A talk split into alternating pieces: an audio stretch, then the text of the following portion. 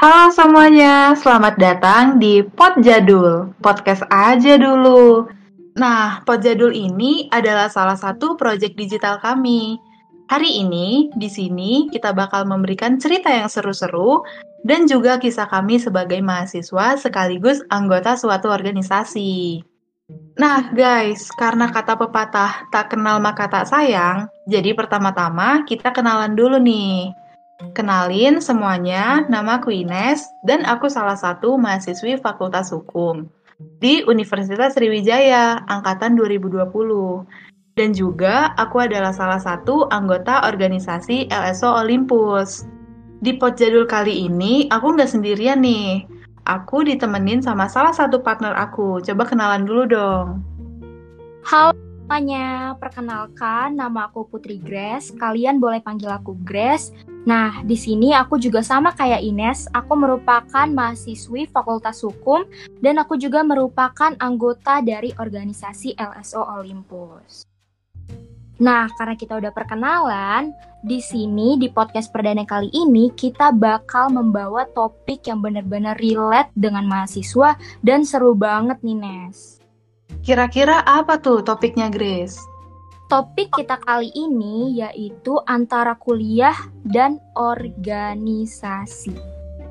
Waduh, waduh. Tapi bukan antara kamu dan dia kan nih? Bukan dong. Nah, Grace, topik ini kan relate juga nih sama kamu yang seorang mahasiswi sekaligus anggota organisasi. Kalau menurut kamu sendiri nih, gimana sih antara kuliah sama organisasi kamu? Menurut aku pribadi, kuliah sama organisasi itu udah kayak sepaket. Mereka tuh udah satu bagian gitu. Jadi kalau misalkan kuliah tanpa organisasi, ya itu kurang aja. Lagi juga sepengalaman aku selama berorganisasi, aku bener-bener dapat banyak banget benefit, terutama dalam relasi nih Nes. Kalau kamu Ines gimana? Aku setuju banget sih sama pendapat kamu. Nah, kalau menurut aku sendiri nih Grace, kuliah sama organisasi itu dua prioritas yang harus seimbang juga. Nah, karena kedua hal itu tuh ya saling ngelengkapin aja sebenarnya. Karena terkadang ada hal yang gak kita dapetin kuliah itu ada di organisasi. Dan sebenarnya aku sendiri juga udah ngerasain nih saat aku berorganisasi nih, misal contoh kayak di Olympus. Nah, aku tuh banyak banget dapat hal-hal baru yang aku coba, aku pelajarin, dan aku dapetin di Olympus yang gak ada nih di dunia perkuliahan. Setuju banget sama Ines. Nah, karena kita udah berbincang-bincang dan udah perkenalan topik, di kali ini kita bakal mengundang narasumber yang benar-benar tepat banget sama topik kali ini, Nes. Kira-kira siapa tuh narasumbernya tuh? Boleh kasih tahu aja, Nes, langsung langsung kita panggil aja apa ya? Oke. Okay. Oke, okay, kita panggilin Kak Adel. Halo, Ines dan Grace. Halo Kak Adel, gimana nih kabarnya hari ini? Alhamdulillah sehat-sehat. Alhamdulillah sehat. Kak Adel, kesibukan Kak Adel akhir-akhir ini apa Kak? Kalau kesibukan ya kuliah, kuliah dan juga yang ngurus organisasi, ngurus organisasi tercinta kita ini loh. Boleh banget kita kesibukannya sama kayak kita kita juga. Kak, boleh dong Kak pengenalan singkat dari Kak Adel supaya mungkin kan uh, yang mendengar podcast ini ada yang dari luar Olympus atau mungkin ada yang dari luar Fakultas Hukum atau mungkin juga ada dari maba-maba Kak. Oke, terima kasih Grace. Uh, halo semuanya, perkenalkan aku Adelia Mizani Kisti. Aku biasa dipanggil Adel, kadang orang tuh juga panggil Kisti, Mizani, terserah mereka. Uh, aku angkatan 2019. Alhamdulillah sekarang menjabat sebagai Wakil Ketua Umum 2 di bidang departemen. Masih Kak Adel udah perkenalan. Nah, kita mulai aja nih. Kita pengen tahu nih Kak, sebagai mahasiswa, apa sih yang membuat Kak Adel pada saat itu tuh mau bergabung di sebuah organisasi nih? Bisa Kak Adel ceritain dikit dulu.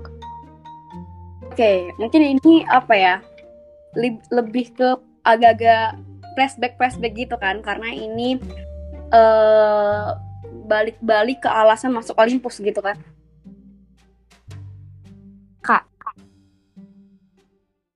Nah, sebenarnya kalau misalkan dibilang masuk Olympus itu karena aku pengen cari teman. Waktu aku kuliah semester satu aku ngerasa kayak kalau misalkan aku kayak gini terus kuliah terus pulang kuliah pulang kayak aku nggak bakal punya banyak teman gitu.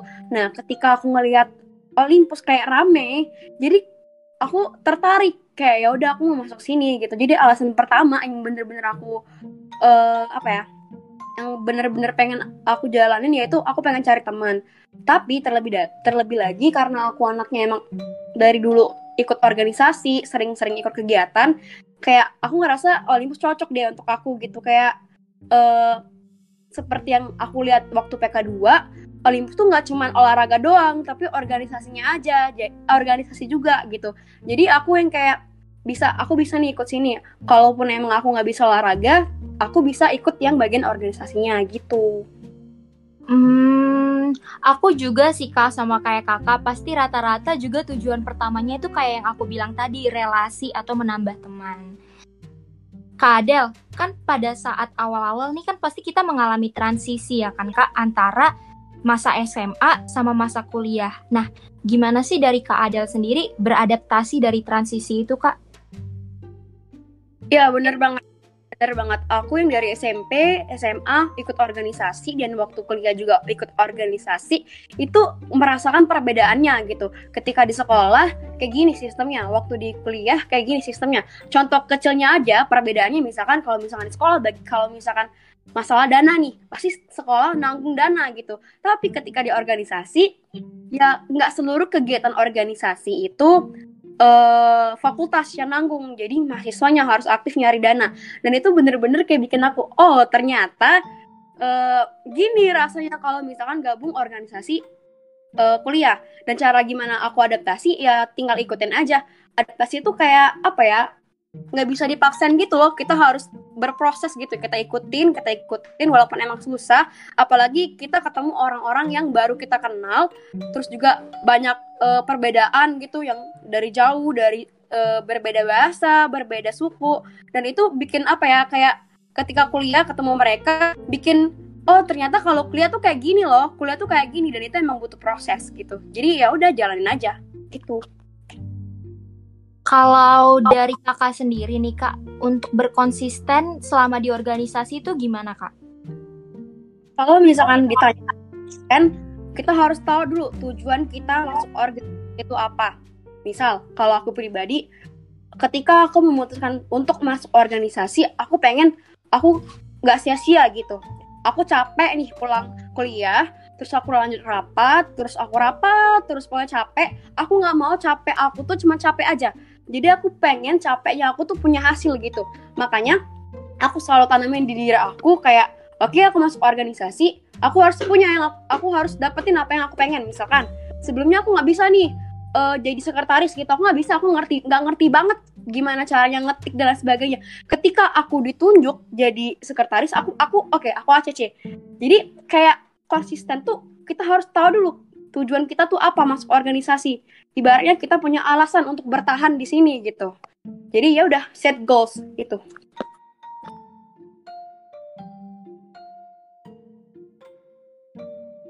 Oh, jadi emang dari Kak Adel itu sendiri kayak udah menanamkan prinsip sendiri kan Kak? Uh, dan prinsip itu yang bisa bikin kita konsisten di organisasi tersebut. Betul. Siap. Nah, nah Kak, uh, dari cerita kakak tadi kayaknya uh, emang um, join di sebuah organisasi itu emang rada hektik dan menyita waktu nih. Nah, tapi selain di Olympus ini, ada nggak sih uh, Kak Adel mengikuti komunitas atau organisasi lain yang lagi kakak tekuni sekarang ini? Kalau misalkan organisasi lain, kalau dulu sebelum aku sebelum aku masuk Olympus, aku tuh masuk juga di BO lain. Di BO lain FH juga Nah, tapi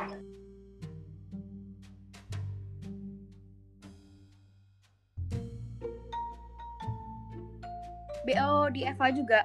Tapi uh, aku lebih memilih Olympus karena kayaknya aku lebih cocok deh di sini kayak gitu. Uh, kalau sekarang sih nggak ada, aku nggak ikut apa-apa. Walaupun emang ada kepenginan gitu ya ikut yang lain tapi apalagi sekarang ngejabat jadi agak agak berat-berat gitu loh takut takut nggak bisa bagi waktu dan sebagainya gitu Oh, jadi Kak Adel pernah ikut BO lain nih?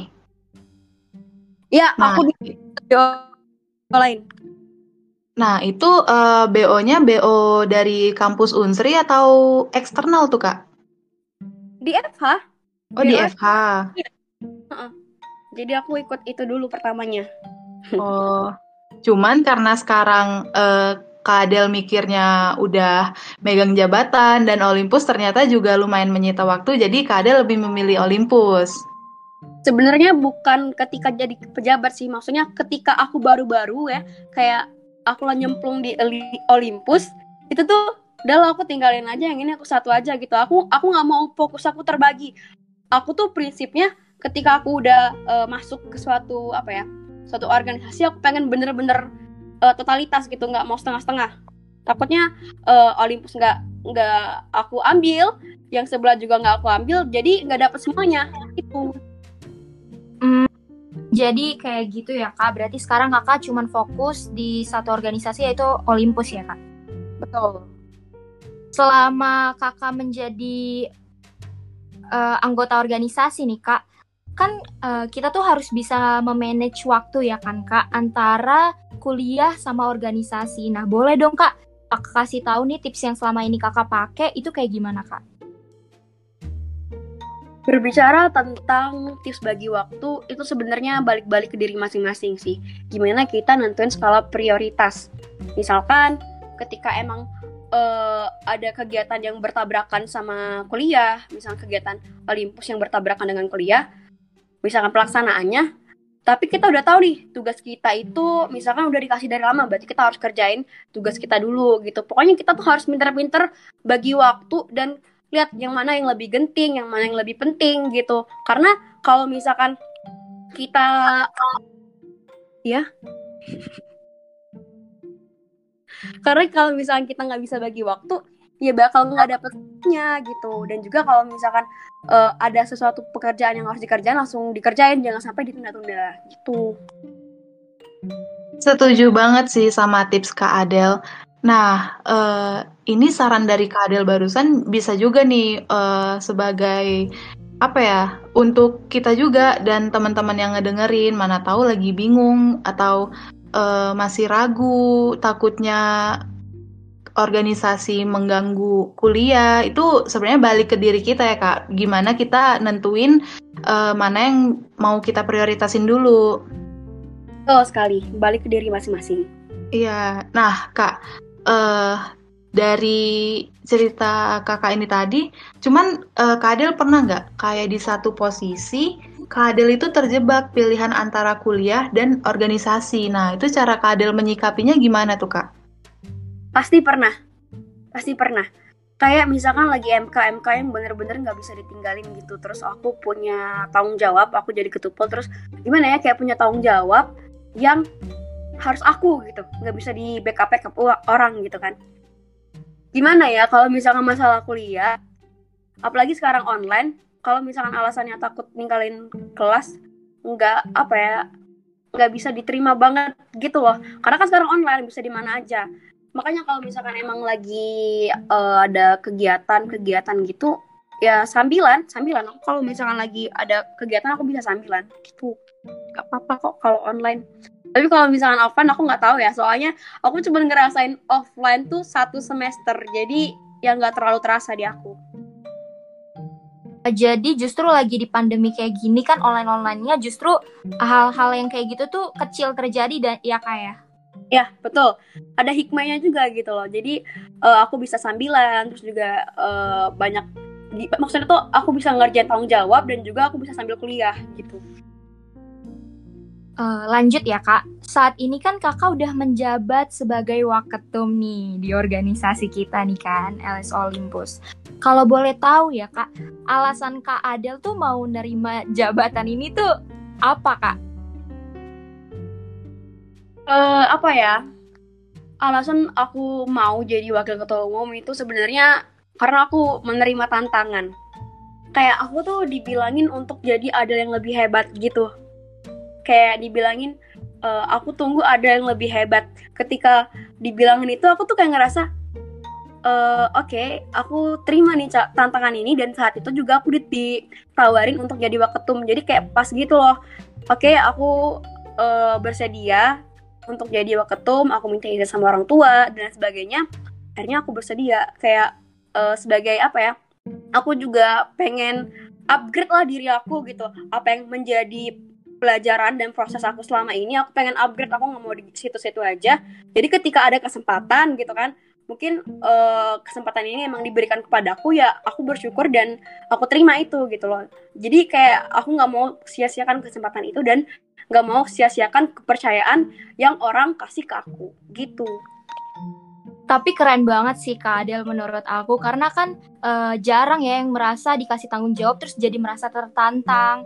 Terus juga uh, bener banget selagi masa muda justru kita harus selalu ada rasa dari dalam sen diri sendiri tuh mau mengupgrade diri. Jadi lebih maksimal, menambah uh, kualitas dalam diri kayak gitu. Selama masih muda kita benar-benar harus pakai waktu sebaik mungkin sama lingkungan yang baik. Nah, kalau uh, selanjutnya Kak Adel uh, ngerasa nggak sih Kak kalau misalkan kita tuh tetap harus uh, tidak boleh cepat puas gitu kak ya bener kita tuh apa ya kalau aku pribadi lebih ke kayak ngerasa ketika aku mendapatkan sesuatu oke okay, aku bisa ini. Aku pengen hal yang lain gitu jangan kayak stuck di situ-situ aja. Misalkan ya contoh hal kecilnya aja ketika jadi koor misalnya hari ini aku ditunjuk jadi koor pubdok ketika selanjutnya aku ditunjuk jadi koor humas aku aku ACC karena aku ngerasa aku nggak mau aku tuh cuma bisa di situ aja. Balik lagi ke alasan aku yang tadi aku punya goals aku punya tujuan aku nggak mau sia-sia. Jadi ketika aku punya apa ya di, dikasih kepercayaan ya aku ambil gitu. Nggak mau cuma di situ-situ aja. Kayak nggak puas aja kalau misalnya aku tuh cuma bisanya di situ doang gitu. Iya setuju sih kak. Uh, jawaban kak Adel bener-bener keren banget.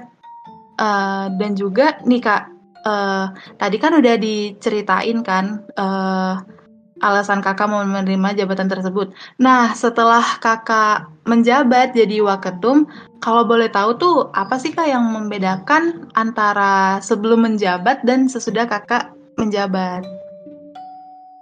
Banyak sih sebenarnya.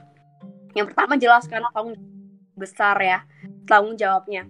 Aku apa ya? Aku kan pernah jadi ketupel. Sebelum aku jadi waketum ini aku jadi ketupel. Yang mana aku tuh mimpin orang mimpin banyak orang yang beda-beda pemikiran. Jadi aku tahu tuh modelan orang tuh macam mana gitu kan. Nah ketika aku jadi waketum ini pasti lebih banyak lagi dong jangkauan orang yang uh, ibaratnya aku kepalai gitu kan. Aku bisa tahu nih orang ini kayak gimana orang ini kayak gimana. Nah apa yang membedakan antara ketika aku jadi uh, koor eh anggota biasa dan aku jadi waketum uh, aku harus tahu hal-hal detail gitu. Kayak uh, apa ya banyak hal-hal yang sebenarnya nggak pernah aku pikirin harus aku pikirin ketika jadi waketum. Contoh misalkan aku nggak pernah apa ya waktu aku jadi aku jadi anggota aku nggak terlalu peduli banget sama orang. Tapi ketika aku jadi waketum aku harus sangat sangat peduli. Aku harus tahu kabar uh, anggota gimana aku harus tahu uh, apa ya ibaratnya tuh orang orang nggak tahu aku harus tahu gitu.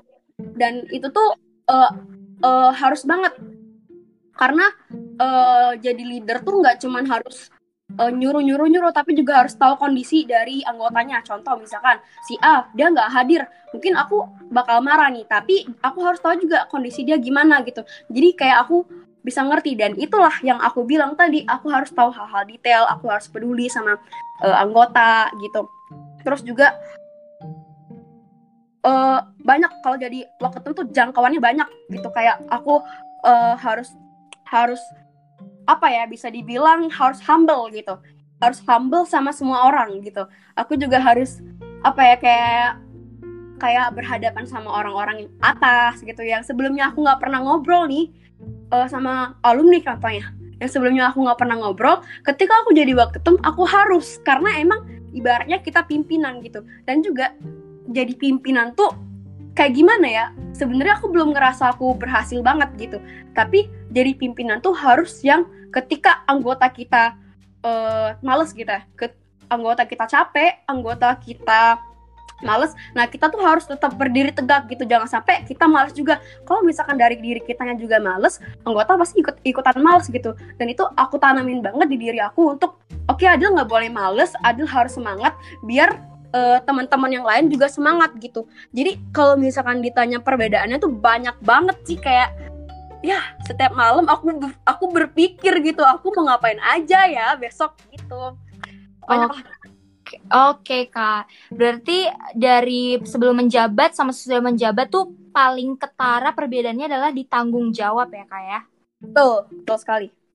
Uh, nah kan kak, dari cerita dan pengalaman kakak nih yang dari tadi kita dengerin, cara kakak sendiri nih untuk menangani masalah selama menjadi uh, di organisasi Olympus ini gimana kak?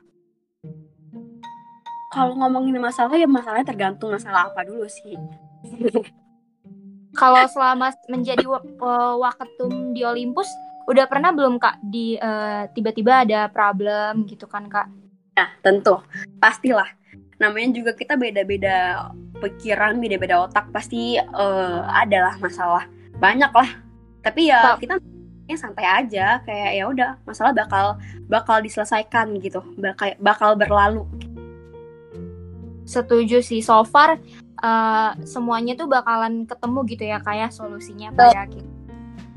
Dan juga mungkin balik lagi kan kak ke masalahnya itu sendiri. Uh, misal masalahnya kayak gimana cara penyelesaiannya gimana dan juga pastinya uh, kalau di organisasi itu uh, nyelesainya pasti bareng-bareng juga kan kak Betul, karena masalah itu bikin kita kuat. Gak mungkin kan kalau misalkan kita adem ayem aja pasti ada masalah kan. Dan itu tuh kayak bikin nambah akrab gitu. Pasti ada hikmahnya kok. Oh ya, setuju sih kak kalau itu kalau masalah membuat kita jadi semakin kuat. Nah kak, ini pertanyaannya paling menarik nih. Kak kan udah berapa tahun ya di organisasi kan? Nah, boleh cerita nggak kak tentang pengalaman yang berkesan selama kakak uh, berorganisasi yang pastinya pasti banyak banget sih Nes yakin pengalaman Kak Adel yang memorable di Olympus. Nah, boleh diceritain yang ya mungkin paling berkesan untuk Kak Adel sendiri? Apa ya? Kalau dibilang yang paling paling paling banget tuh aku nggak bisa uh, memilih sih. Tapi kalau ada kalau ada list-listnya ada gitu. Misalkan ketika aku jadi koor humas di Dekan Cup itu menurut aku karena itu acara besar jadi aku seneng banget gitu. Uh, berkesempatan untuk jadi humas. Karena humas itu kan ketemu banyak orang aku ketemu uh, pengisi acara, aku menghubungi profesor-profesor yang bakal mengisi webinar, aku menghubungi artis-artis yang bakal diundang uh, gitu. Kayak seru aja gitu. Terus juga uh, menemui mereka, terus nyambut mereka. Kayak aku seneng aja gitu ketemu banyak orang. Misalkan juga ketemu Wadek untuk masalah surat, ketemu ini. Pokoknya aku seneng. Kalau dan lainnya uh, ketika aku ini sih kalau misalkan aku ngisi-ngisi hmm, kayak MC atau moderator gitu kayak moderator webinar. Kemarin itu webinar hukum gitu kan. Terus juga ada MC apa. Pokoknya hal-hal yang uh, aku tampil dah. Itu aku seneng banget karena kayak alhamdulillah gitu. Aku dikasih kesempatan dan menurut aku ketika aku dikasih kesempatan aku harus memanfaatkan itu gitu. Aku seneng banget pokoknya Wah, dari percakapan menarik kita sama Waketum, Kak Adel, kita tuh bisa uh, mendapat kesimpulan kalau misalkan organisasi itu bener-bener bisa mengembangkan diri, terutama kita juga bisa jadi mengenal diri sendiri lebih baik lagi, terus memanage waktu, terus habis itu kita yang paling penting kita juga secara nggak langsung nih ya menyangkal atau menangkis statement yang masih banyak banget mungkin di orang-orang luar sana yang bilang kalau organisasi itu mengganggu kuliah ya kan kak? Betul betul nggak sama itu sekali. udah big no banget ya ini udah jelas banget itu benar-benar enggak karena itu semua bisa termanage bisa teratasi kalau misalkan kita benar-benar mengenal diri kita sendiri. Betul sekali.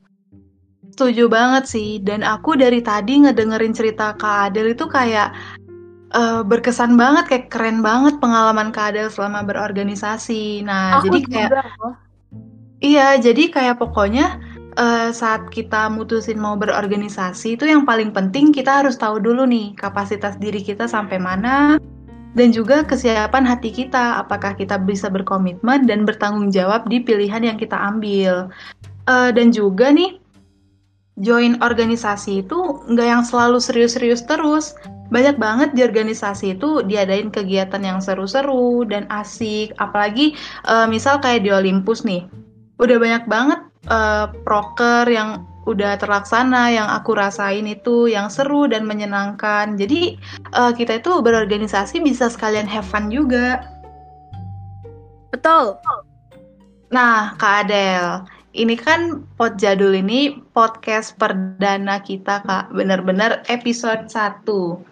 Kira-kira gimana nih pesan dan kesan Kak Adel untuk Pot Jadul perdana kita hari ini? Pot jadul perdana ini keren karena ya keren aku apresiasi banget teman-teman yang berpartisipasi dari PPSDM, terus juga uh, ada operatornya, ada MC-nya, ada hostnya gitu kan.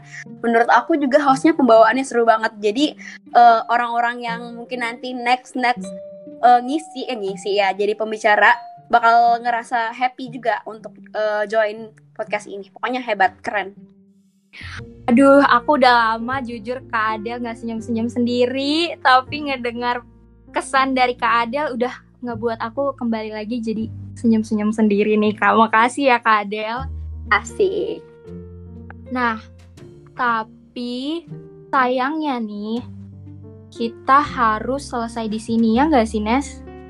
Iya, bener banget. Tapi sebelum itu, aku mau ngucapin makasih banyak buat Kak Adel yang udah mau ngeluangin waktunya, udah mau jadi narasumber, berbagi cerita, tips, dan pengalaman. Dan juga makasih banyak nih buat partner aku hari ini, keren banget deh. Makasih ya Grace, makasih Kak Adel. Iya, sama-sama. Terima kasih Kak Adel, sama-sama juga Ines, terima kasih kembali. Menurut aku, podcast perdana Pot Jadul kali ini bener-bener seru dan punya banyak banget manfaat. Buat terutama aku yang masih mahasiswa aja dapat banyak banget manfaat, apalagi mungkin untuk maba-maba yang masih berdilema-dilema terjawab banget sih di sini. Tapi, tapi, tapi lagi nih, sayangnya Pot Jadul, podcast perdana ini harus berakhir di sini nih Grace, tapi nggak apa-apa. Buat teman-teman dan calon adik-adik kita, Maba 2021, jangan lupa nantiin terus episode-episode selanjutnya Pot Jadul. Karena di episode selanjutnya kita bakal mengangkat topik dan narasumber yang gak kalah seru. Oh iya, buat teman-teman yang mau ngedengerin ulang podcast ini bisa loh. Nah, podcast ini bisa didengerin di mana aja, Grace? Pod ini bisa didengerin di IGTV-nya Olympus, Instagramnya at lso underscore Olympus. Buat yang belum follow, di follow sekarang juga karena update-nya podcast ini bakal di-upload di situ. Tapi bukan hanya di Instagram, kita juga ada di Spotify. Karena apa? Karena Spotify bisa mendengarkan kapan pun dan di mana pun. Bener banget, Grace. Nah, mungkin uh, sekian dulu, segini dulu untuk pot jadul perdana kita. Buat semuanya, jangan lupa stay safe, stay healthy. Sampai jumpa di podcast selanjutnya. Bye-bye.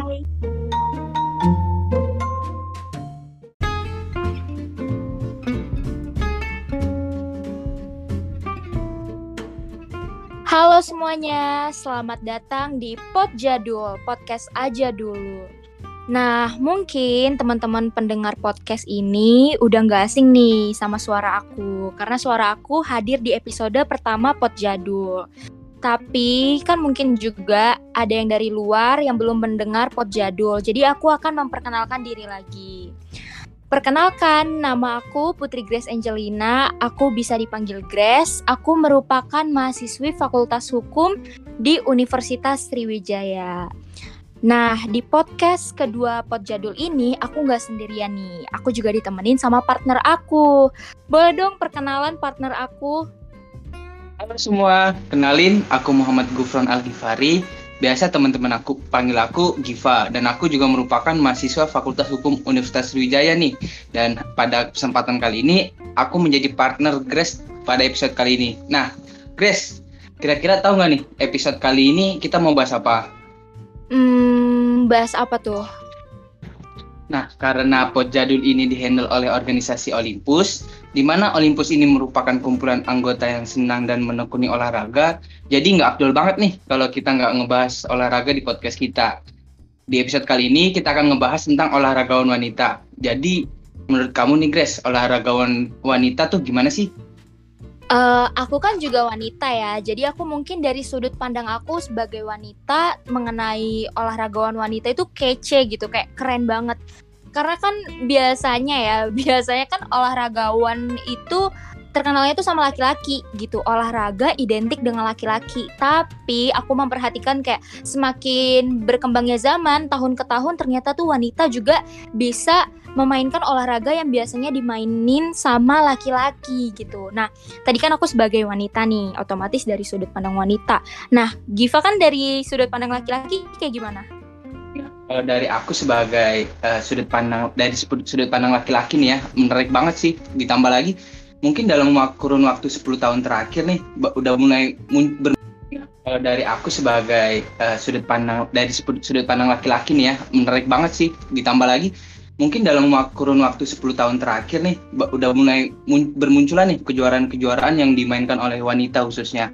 Dan kayaknya sih Indonesia juga nggak mau nggak mau kalah ya tentunya. Terakhir terbukti dari salah satu kejuaraan paling bergengsi di dunia pada perlombaan Olimpiade Tokyo kemarin pasangan putri badminton Indonesia mendapatkan medali emas dan yang terbaru baru beberapa hari kemarin timnas sepak bola wanita Indonesia lolos ke Piala Asia di India tahun depan. Nah ini kan menandakan olahragawan wanita khususnya di Indonesia mulai banyak diminati. Ya nggak sih? Mungkin tanpa perlu panjang lebar lagi nih Grace, kira-kira pada kesempatan kali ini kita mengundang siapa sih kesempatan kali ini di podcast episode kedua ini kita mengundang orang yang menurut aku tepat banget buat kita tanya-tanya ini. Karena aku juga udah kepo banget nih jujur. Jadi langsung aja kita panggil ya. Halo Kak Jasmine. Halo Gipa, halo Grace. Selamat halo Kak Jasmine. Selamat malam Kak Jasmine. Um, Kak Jasmine, apa kabar nih? Kita udah lama nih Kak nggak ngobrol-ngobrol. Kabar alhamdulillah baik, tapi semakin malas-malasan karena kuliah online.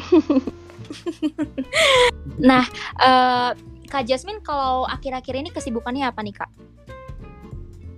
Sebenarnya uh, kan berhubung udah semester 5 ya kuliah online, terus sambil ini juga uh, latihan basket, ikut latihan basket Olympus tapi ada juga ikut latihan basket di luar Olympus yaitu dengan klub klub aku memang udah dari SMA aku gabung ke klub itu selain latihan basket juga uh, bantuin ada bisnis keluarga gitu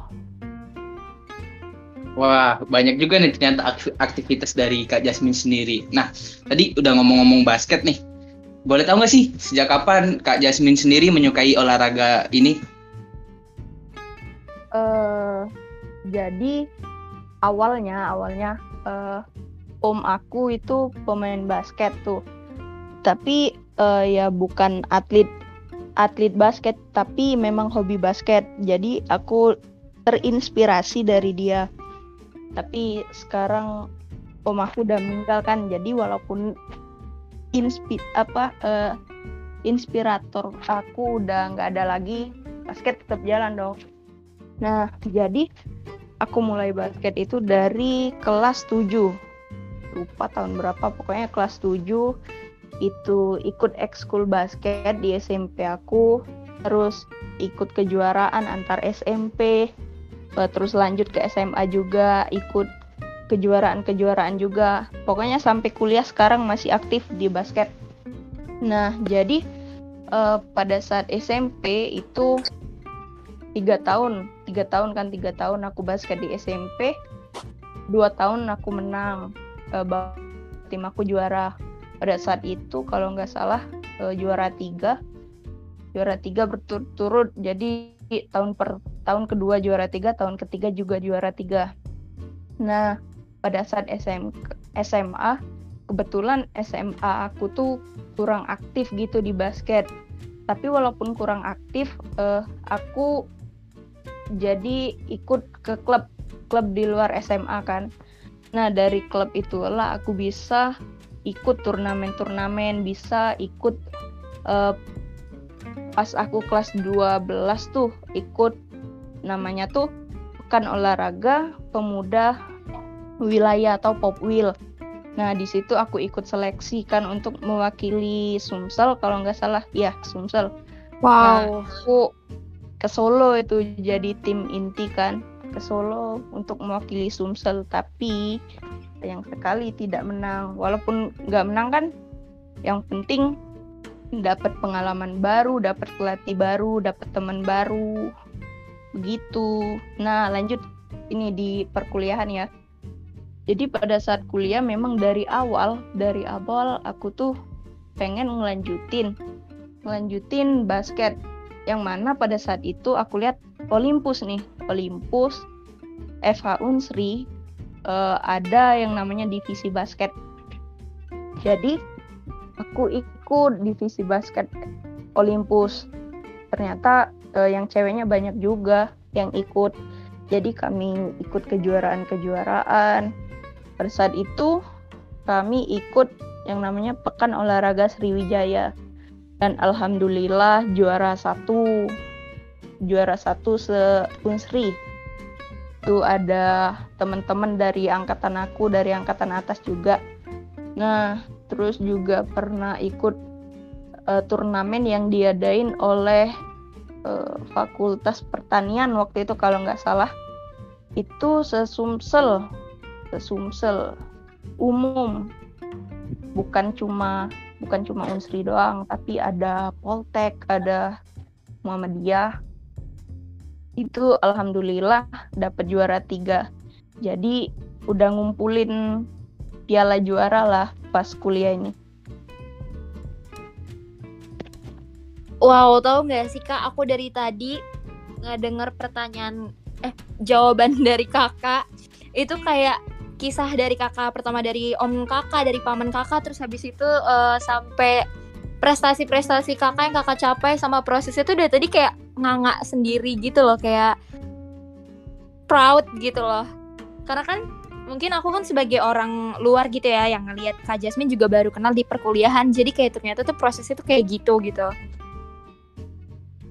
Ya betul sekali yang namanya proses yang gak mudah dari awal aku ikut basket dari kelas 7 sampai sampai sekarang masih aktif uh, perlu perjalanan panjang perlu per, uh, perlu apa sih namanya pengorbanan yang nggak dikit sampai cedera-cedera juga udah sih. Nah, tadi kan Kak Jasmine kayaknya udah menceritakan dari awal Kak Jasmine sampai sekarang nih, bisa dibilang gitu. Nah, tadi aku ada sedikit menarik perhatian aku nih uh, cerita Kak Jasmine waktu SMA ya pernah mengikuti mewakilkan Sumatera Selatan gitu ya. Bener nggak sih kak? SMA kan? Tuh, SMA atau apa itu?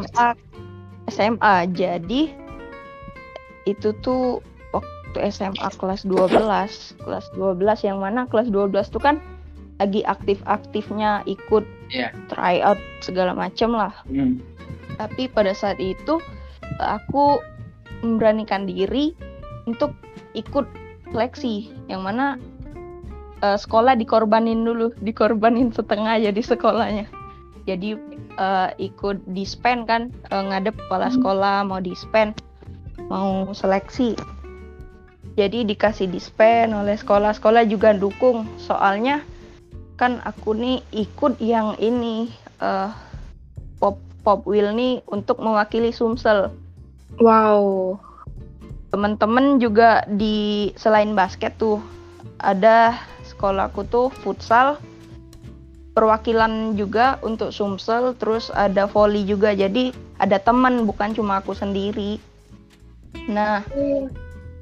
uh, Pop itu kan diikuti oleh uh, seleksinya seluruh Sumsel ya yang dipilih. Cuman ada 12 orang satu sum sesumsel jadi ya banyak ngorbanin waktu sekolah demi latihan demi seleksi biar bisa ikut jadi tim inti. Dan alhamdulillah setelah sekian banyak pengorbanan aku terpilih jadi tim inti dan berangkat ke Solo sekitar semingguan lebih lah. Jadi Oh, nambah pengalaman tambah relasi tambah temen hmm. Berarti di kelas 12 mengorbankan ya bisa dibilang mengorbankan. Nah, ngomong-ngomong mengorbankan di awal karir atau waktu Kak Jasmine itu suka dengan olahraga ini eh respon orang tua. Kan karena bisa dibilang olahraga ini kan identik beregu terus juga lebih banyak laki-lakinya ya. Identiknya lebih ke laki-laki nih. Tapi orang tua waktu itu gimana nih? Pas awal-awal terus pas kelas 12 harusnya kan kelas 12 bisa dibilang udah fokus untuk menyelesaikan sekolah gitu. Tapi Kak Jasmine dengan apa ya tekad yang bulat gitu mengikuti pop wheel dan mewakilkan Sumatera Selatan gitu. Itu gimana tanggapan dari orang tua?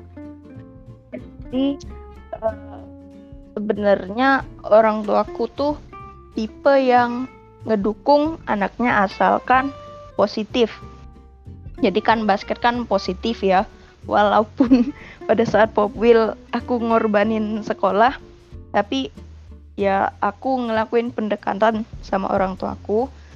Jadi ya gimana ya kesempa- kesempatan kan gak datang dua kali gitu. Gak mungkin tahun depan aku bisa ikut lagi soalnya udah terbatas umur jadi aku ngelakuin pendekatan sama orang tua terus ya dijelasin lah kesempatan gak datang dua kali. Terus lagi pula saingannya banyak sesumsel. Eh, ratusan saingan kemarin. Jadi orang tua tuh juga ngedukung lah. Kapan lagi kan jadi tim inti provinsi di tempat kita tinggal gitu. Jadi misalkan positif orang tua ngedukung. Gitu sih. Hmm, nah ini kan kayak dari respon orang tua tuh bagus banget ya kak, bener banget kayak kalau misalkan kita membutuhkan respon dari orang tua, kita juga harus pinter-pinter untuk pendekatan, terus habis itu kita juga bisa ngejelasin kenapa kita eh, bener-bener kayak pengen gitu untuk ikut kegiatan ini. Nah dari dari orang tua udah positif, sekarang aku tuh kepo sama respon teman-teman kak Jasmine nih. Gimana waktu itu pas tahu kak Jasmine eh, menseriuskan basket, dari suka basket gitu sampai bisa ikut lomba yang eh, sesumsel ini. Eh, jadi respon temen jadi kan aku kan dari kelas 7 ya ikut basket di SMA juga ikut jadi ya temen temen deket ini ya temen deket tuh ya bangga gitu aku bisa ikut ikut seleksi dan terpilih menjadi tim inti perwakilan Sumsel perwakilan Sumsel itu berangkat ke Solo. Jadi eh, teman-teman ya ikut bangga namanya. Temennya alhamdulillah udah bisa mewakili Sumsel kan ya. Jadi sebagai sebagai ganti sebagai ganti support teman-teman aku ya Dila dikit-dikit itu oleh-oleh kemarin. Sogok kan? Buat tiga. sogok kan biasa. Bener sih bener banget. Itu paling utama tuh sebenarnya. Yang ditunggu sebenarnya kalau itu, nggak dikasih sobokan ngamuk nanti. Betul. Itu sih paling utama memang kalau udah bawa-bawa sekolah terus keluar kota segala macam. Itu ditunggu-tunggu dari teman-teman yang lain. Nah, sih. Tapi bukan cuma temen tapi apa tuh? sama guru-guru juga dikasih. Oh, iya dong demi melancarkan nilai dan absen. Eh? Untung udah lulus ya untung udah lulus Alhamdulillah untung udah lulus. Nah, waktu itu sebagai bisa dibilang kan wanita, terus mungkin kita balik lagi ke zaman zaman SMP, eh, zaman zaman kelas 7 gitu. Awal-awal ikut basket, ada nggak sih kayak kendala-kendala apa yang Kak Jasmine rasain ketika apa pun lah di basket pokoknya khususnya ketika main basket ketika suka dengan olah- olahraga basket ini Jadi kendala dari awal. Nah, kal- sebenarnya kalau awal-awal tuh orang tua orang tua nggak terlalu dukung kalau awal ya kalau dari Hmm. kelas 7 tuh. Soalnya latihannya tuh kalau nggak salah waktu itu tiga kali seminggu. Tiga kali seminggu latihan sore sampai maghrib itu. Nah jadi aku kan kelas 7 nggak boleh bawa motor ya. Nah itu menurutku ngerepotin orang tua jadi mereka nganter terus nungguin aku main basket terus pulang hampir maghrib nah pada awal-awal tuh pernah disuruh berhenti sih tapi dengan tekad yang kuat dan keras kepala seorang Jasmine jadi dibolehin asalkan ya itu tadi nggak bahasanya tuh nggak keluyuran ke mana-mana habis basket pulang habis basket pulang gitu Hmm, kayak gitu. Oke, Kak. Nah, eh, olahraga yang Kakak suka ini nih kan, basket nih kan salah satu olahraga yang kebanyakan digemarin sama pria gitu. Ngomong-ngomong digemarin pria, aku pribadi suka eh, sama eh, maksudnya aku pribadi gemar sama pembasket ada namanya eh, Daniel Wenas. Ini ini terkenal banget sih, tapi aku nggak mau ngomongin Daniel Wenasnya nih. Nah, eh, pernah nggak sih Kak Jasmine tuh di satu ketika nih main tapi lawan mainnya laki-laki tuh kak? Sering kalau itu mah sering jadi ya jadi harus kuat mental.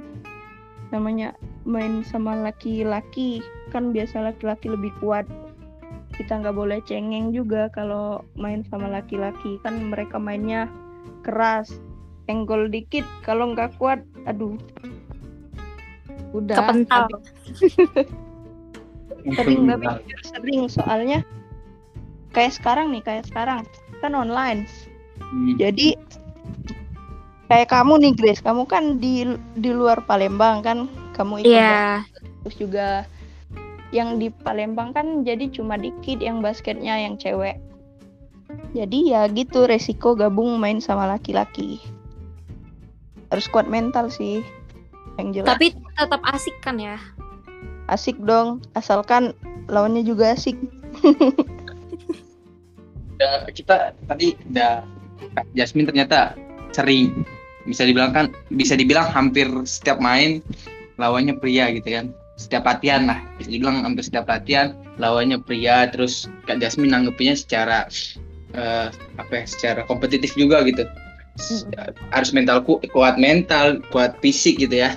Tapi ada nggak sih kayak dari ketika Jasmine kan Kak Jasmine kan sebagai wanita terus lawannya laki-laki atau ya perempuan lah atau kita anggapnya lawannya laki-laki gitu. Ada ada omong omongan atau perlakuan negatif gitu terhadap Kak Jasmine sendiri pas main atau lawannya laki-laki gitu kak?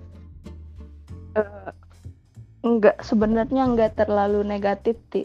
negatif sih. Tapi aku tuh sering sering dapat omongan gini. "Eh, jangan gitu dong kan cewek. Nah di situ aku tuh ngerasa ya kan mau cewek mau cowok sama-sama main basket gitu. Jangan dibeda-bedain. Soalnya aku tuh betul. gak suka diremeh-remehin gitu. Benar banget. Nggak enak tahu curhat. Boleh Asli, tuh. jadi jadi aku tuh ngerasa mereka tuh mengasihani gitu Mm-mm. ngasihani aku. Kan nggak enak. Padahal apa padahal kan eh tau lah tuh mungkin nanti yang ngeremehin Kak Jasmine mungkin ngedengerin podcast ini jadi tolong ya boleh dilihat dari skill Kak Jangan ya, Jasmine jangan diremehin ya nggak enak tahu. sudah mewakilkan Sumsel loh ini Iya sudah mewakilkan Sumsel ke Solo loh sejak SMA jadi tolong lah. aduh jangan gitu dong Oke kita next ya kak. Nah oke. Eh, sekarang kan Kak Jasmine ini kayak kita kita nih kan eh, sebagai mahasiswi terutama yang aku tahu Kak Jasmine ini udah semester 5 ya kan. Nah udah tua. aku kepo banget lagi gimana cara kakak bagi waktu antara nih pertama kakak ikut kuliah terus habis itu kakak ikut organisasi Olympus terus habis itu tadi kakak bilang kakak ngebantu bisnis orang tua juga terus habis itu kakak juga diikutin sama main basket ini nih kak jadi itu kan schedule-nya lumayan banyak kegiatannya gitu kan. Itu gimana tuh Kak bagi waktunya? Jadi kan aku semester 5 ini ngambil jadwal kuliah tuh dari hari Senin sampai Jumat mulai dari jam 10 sampai selesainya tuh ada yang setengah tiga dan jam 4 nah jadi ya kuliah normal kuliah dari jam 10 sampai sore jam 3 terus untuk basket itu biasanya kalau di fakultas aku kan basketnya eh fakultas kita semua deng kan basketnya itu latihannya tiap Sabtu atau Minggu. Nah, jadi ya khusus hari Sabtu atau Minggu latihan basket. Nah, terus kalau untuk bantuin orang tua tuh kan eh, nggak uh, nggak tentu jadwalnya tergantung. Jadi aku nih kan ikut uh, bantuin orang tua tuh ada bisnis catering, meja catering gitu. Nah kan itu kan nggak tentu pesanannya kapan. Mm -mm. Jadi ya pada saat ada pesanan gitu, ada pesanan ya mana yang lebih diutamain misal basket cuma latihan doang kan gitu mm -mm. nggak turnamen ya ikut bantu orang tua dulu. Kalau misalkan ya turnamen ikut turnamen dulu. Nah terus selain basket aku kan juga ikut apa divisi badminton di Olympus. Jadi divisi badminton tuh kan harinya beda latihannya sama basket. Jadi ya nyempat nyempatin aja hadir latihan juga. Gitu. Oh jadi kak Jasmine ini tuh ngambil dari pertama tuh yang paling prioritas ya paling penting. Ya, family first juga sih bener banget. Bisa-bisa kita lah bagi waktu. Kalau sama organisasi ya organisasi juga nggak tiap hari kan. Intinya bisa-bisa bagi waktu antara kuliah organisasi sama kerjaan yang lainnya. Oh. Gitu. Mungkin tadi Kak Jasmine udah udah ngasih tips nih sedikit nih bagi teman-teman yang udah banyak kegiatan terus kegiatannya juga lumayan apa ya lumayan sering gitu setiap harinya ada pasti pasti ada ada kegiatan. Nah, aku pengen mungkin dari cerita Kak Jasmine tadi tuh uh, ada nggak sih hal yang paling berkesan Kak Jasmine selama mungkin selama dari SMP waktu itu kelas 7 sampai ke sekarang di kuliah gitu. Di basket ya khusus ya. Di basket. ya. Jadi satu-satu ini SMP 1, SMA 1 boleh boleh banget ya. boleh banget boleh banget jadi pas SMP itu aku paling paling inget pelatih jadi pelatih aku tuh memang orangnya selalu support walaupun aku jujur dari nol dari nol betul nggak bisa main basket. Dilatihnya dilatihnya. Terus aku suka kalau nggak bisa tuh ya. Jadi aku tuh kalau nggak bisa misal aku nggak bisa layup kiri udah usaha terus tapi nggak bisa. Jadi nangis kesel gitu kenapa nggak bisa? Nah pelatih aku tuh selalu support selalu ngajarin selalu ngajarin sabar terus tuh uh, dia juga udah percayain aku untuk jadi kapten pada saat itu. Untuk jadi kapten bawa tim aku juara. Itu sih yang paling aku inget pas aku basket SMP latih SMP awal-awal karir ya. Betul, awal-awal merintis.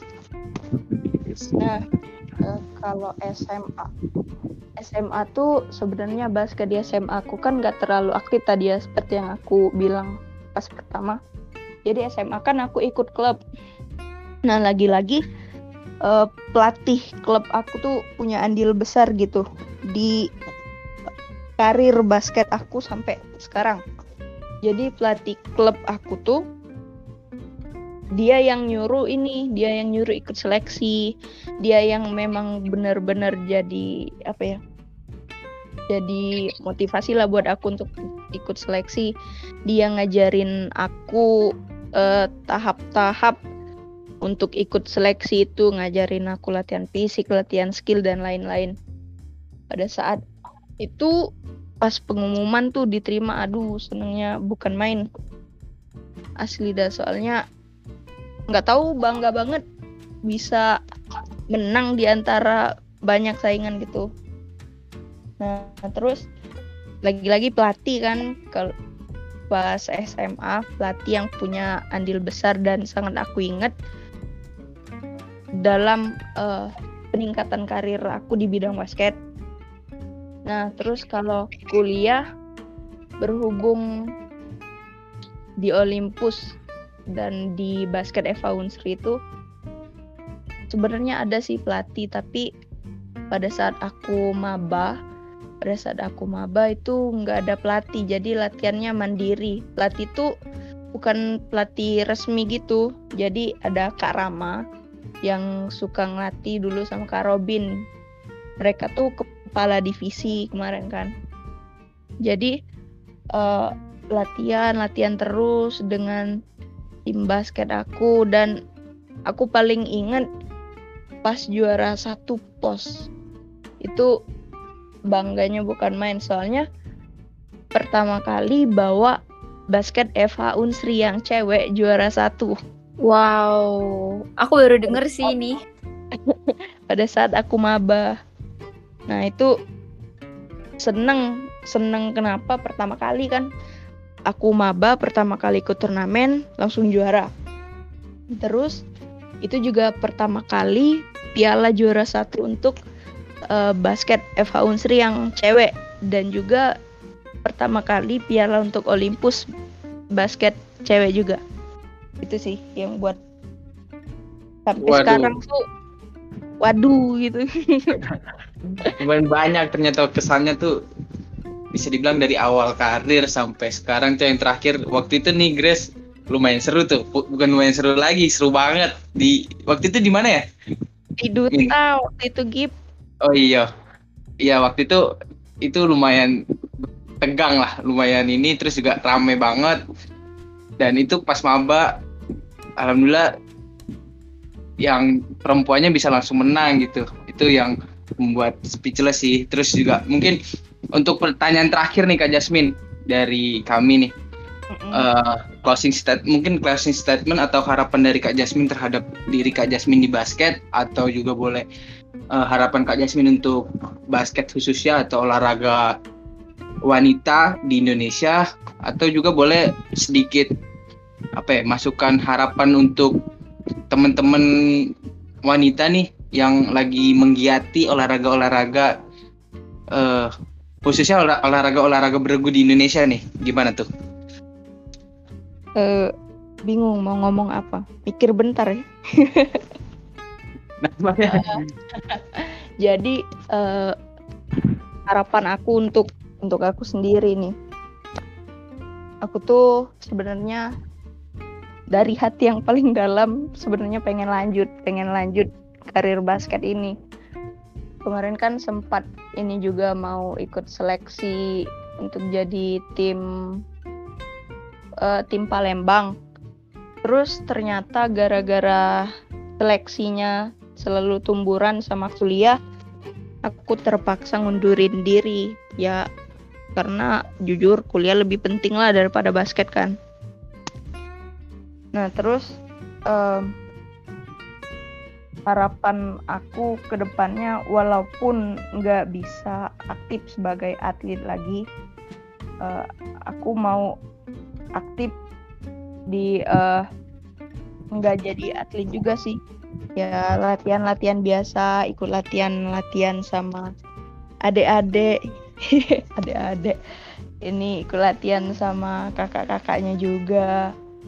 Jangan ya jangan sampai stuck di situ doang nah terus uh, ini aku kasih harapan ke basket Eva Unsri aja ya ke tim boleh, aku boleh. nih semoga corona cepet hilang Amin. Dan Utri bisa kumpul lagi, Amin. kita bisa ikut turnamen lagi, bisa latihan bareng lagi, dan semoga makin rame supaya supaya cekanya Gip tahu ceka nggak Gip? Tahu patungan. supaya patungannya Nggak Patungan. banyak. itu kayaknya nomor satu itu keuangan. Nah, itu kalau nggak ada uang nggak bisa main basket ini. Betul. Semoga pokoknya semoga Covid cepet kelar dah. Biar bisa kumpul, biar bisa main basket lagi, biar bisa ikut turnamen lagi dan biar bisa juara lagi. Amin. Amin. Oke, Itu doang kita kan udah eh, ngobrol-ngobrol panjang nih sama Kak Jasmine. Jujur eh, dari obrolan panjang ini di podcast Pot Jadul yang kedua ini aku ngambil banyak banget conclusion, banyak banget kesimpulan. Pertama itu bahwa semakin berkembangnya zaman apalagi sekarang udah zaman 4.0 ini menurut aku gender tuh udah bukan jadi penghalang lagi terutama di bidang olahraga. Sekarang maupun laki-laki maupun perempuan terutama wanita ya udah bisa sekarang memainkan olahraga yang biasanya diminatin laki-laki gitu. Terus aku juga ngambil di poin kedua tentang responsif positif dari orang tua itu penting banget. Sama terutama teman-teman yang lingkungan yang positif itu juga mempengaruhi banget sama kegiatan-kegiatan kita sehari-hari jujur dari tadi aku kayak banyak banget yang ngebuat aku amazed, buat aku terpukau gitu sama Kak Jasmine. Apalagi dibagi waktu tadi ya, Eh, maksudnya pasti ke- ketika kita mau ngajar sesuatu harus ada yang direlakan, nggak bisa semuanya kita harus kita rampung gitu jadi satu kayak gitu. Mantap. Balik lagi. Ya balik lagi eh, bijak-bijaknya kita gitu dalam eh, melakukan kegiatan terus habis itu memilih eh, di satu situasi kayak gitu. Ya untuk Kak Jasmine thank you makasih banyak Kak Jasmine udah bersedia menjadi narasumber di podcast Pot Jadul kedua hari ini Kak. Makasih juga Grace dan Gipa. Udah ngundang. Maaf omongannya agak gagu ini. Nggak lancar ngomong bahasa Indo biasa. Tidak apa-apa. Bahasa Palembang ya dak Gip. Betul. Dan nggak nggak lupa juga nih kami mau terima kasih pada pendengar-pendengar kita yang udah ngikutin kita dari awal podcast sampai akhir podcast nih. So stay tune terus di sosial media kita di IG LSO underscore Olympus dan Spotify kita dengan keyword pod jadul. Jadi sampai jumpa di podcast kita selanjutnya. Dadah, sampai jumpa. Sampai jumpa bye bye Bye bye. Bye.